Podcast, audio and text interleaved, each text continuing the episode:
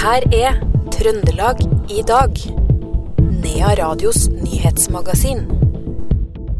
Trondheim kommune beklager behandlingstilbud i Silje-saken.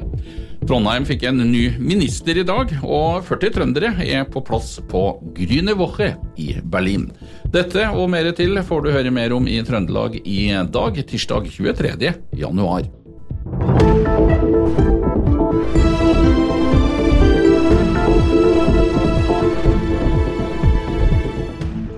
Og vi starter med den såkalte Silje-saken.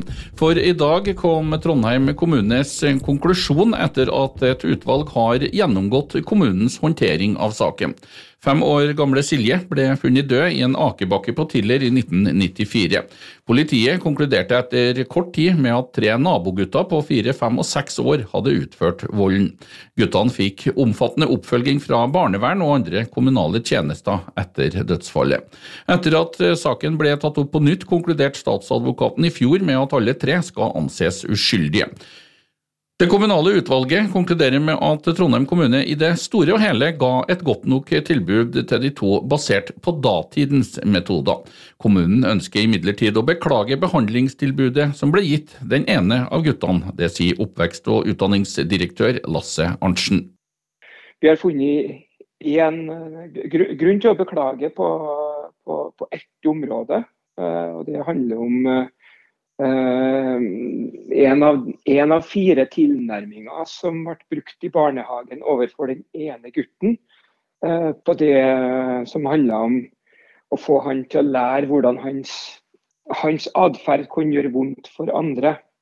Uh, der var det noen metoder som, som, utvalget mener ikke kan ses på som, som faglig godt nok begrunna. Det og det har vi slutta oss til, vi som har mottatt rapporten. Og Derfor så, så, ser vi da behov for å beklage spesielt denne eh, behandlingsteknikken overfor den ene gutten. Så det, det var jo med datidas kunnskap, datidas kompetanse og datidas regelverk. Så det var nok gjort med de beste intensjoner, men vi finner likevel grunn til å si at vi ikke finner at det var godt nok faglig begrunna.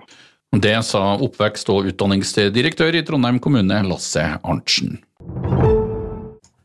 Trondheim fikk en ny minister i dag. Oddmund Løkensgaard Hoel ble i statsråd på Slottet utnevnt til ny minister for forskning og høyere utdanning etter Sandra Borch. Hoel har vært statssekretær for både Ola Borten Moe og Sandra Borch. Han er professor i historie på Høgskolen på Vestlandet og bosatt i Lyster i Sogn.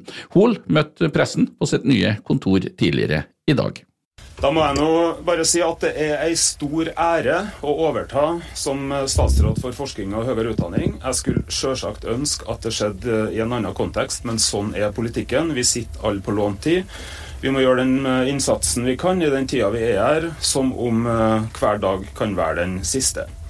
Jeg har vært statssekretær i Kunnskapsdepartementet siden starten på regjeringsperioden i 2021 og hatt den store gleda det er å samarbeide med to røynde politikere i Ola Borten Moe og Sandra Borch. Vi har jobba tett sammen om politikkutviklinga i hele den perioden, og nå tar jeg over stafettpinnen. Jeg ser fram til, et, eh, til å holde frem samarbeidet med Kunnskaps-Norge, med partene i arbeidslivet, de gode politiske kollegaene jeg har blitt godt kjent med i regjeringsapparatet og i Stortinget, og de flinke og flotte folkene i Kunnskapsdepartementet, som jeg òg har blitt veldig godt kjent med gjennom to år.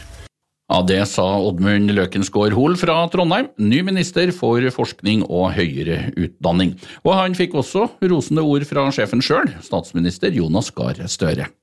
Jeg vet at han har gjort en meget verdifull innsats for sine to statsråder, og jeg har selv hatt gleden av å arbeide nært med ham i flere av de sakene vi har hatt på forsknings- og utdanningsfeltet. Så har Oddmund vært senterpartipolitiker eh, lokalt i Luster kommune siden 2003. Han er en kunnskapsrik, jordnær og raus person og en god samtalepartner. Han er til og med godt likt blant dem han skal styre. Og her vil jeg legge til det er fint. Men det holder å være respektert. Fordi det kommer nok noen tøffe beslutninger også. Administrerende direktør Grete Aasve ved St. Olavs hospital går av med pensjon ved utgangen av 2024, og fratrer direktørstillingen i løpet av første halvår i år. Det opplyser St. Olavs hospital i en pressemelding etter et ekstraordinært styremøte ved sykehuset i dag. Aasve informerte i styremøtet om sin situasjon som leder i forbindelse med innføringen av Helseplattformen. Det har vært svært utfordrende å stå i denne situasjonen over tid, sier Aasve i pressemeldingen. Hun har en rekke ganger advart om at Helseplattformen truer pasientsikkerheten, og har også sagt at Helseplattformen ikke ville blitt innført ved sykehuset i november 2022 hvis de hadde visst hvilke problemer som ville oppstå, det skriver Adresseavisen. Styret tok Aasveds redegjørelse til etterretning og valgte å um, utlyse stillingen som administrerende direktør umiddelbart. Renovasjonsgebyret i Trondheim øker med 48% det skriver kommunen i en pressemelding. Bystyret vedtok nye gebyrsatser for de kommunale eiendomsavgiftene i sitt siste møte før jul. Og gebyrene øker til dels betydelig på noen områder fra i fjor til i år. Økninga skyldes den generelle pris- og renteøkningene, men også at tjenestene blir forbedra, skriver kommunen, som ber alle forberede seg på et høyere fakturert beløp enn i tidligere år. Så til trondheimspolitikken. Svein Otto Nilsen fra Pensjonistpartiet er etter hva avisa Nidaros er kjent med omtalt som en form for cowboy innad i sentrum-høyre-samarbeidet som styrer byen. Dette viser han støtt og stadig, heter det, og senest i bygningsrådet i dag, hvor en planlagt sykkelvei i forbindelse med Bromstadruta ble debattert. Frp ønska ikke å godta forslaget til sykkelvei, hvorpå bystyreveteranen Nilsen tok ordet. Dette er som å banne i kirka, og det skal ikke jeg gjøre når jeg sitter i menighetsrådet. Det sa Nilsen til Humring fra bygningsrådet. Men er Svein Otto Nilsen da virkelig en cowboy? Jeg har blitt kalt mye gjennom 36 eh, år i bystyret, med cowboy har aldri vært kalt. Men uh, jeg er engasjert. Og, og det, er, greit at vi er jo seks partier som samarbeider i posisjon. Men uh, det er jo ikke sånn at et parti ikke skal ha egne meninger. og Det det gikk på, det er rett, rett og slett uh, den uh, voldsomme omfanget av sykkelveier som planlegges i byen. Ja, Hva er det med sykkelveier som du, Pensjonistpartiet ikke kan akseptere? Nei, altså Jeg tok jo opp bl.a. i Fjordgata. Altså Det er jo utrygt å gå på fortauet der som gående. For det er sykkeltrasé som er så bred siden av, og de kommer i racerfart. Altså, Herre var ikke annen kant av byen, men de bygger så brede sykkelstier toveis, mens fortauene rett og slett blir eh, mindre og mindre og mindre. Og det er folk som drar med barnevogn, og det, de føler seg vettskremt i Midtbyen. Og det var det jeg prøvde å, å fokusere på, til tross for at det står, det står jo i plattformen trygt og sammenhengende sykkelveinett i Trondheim.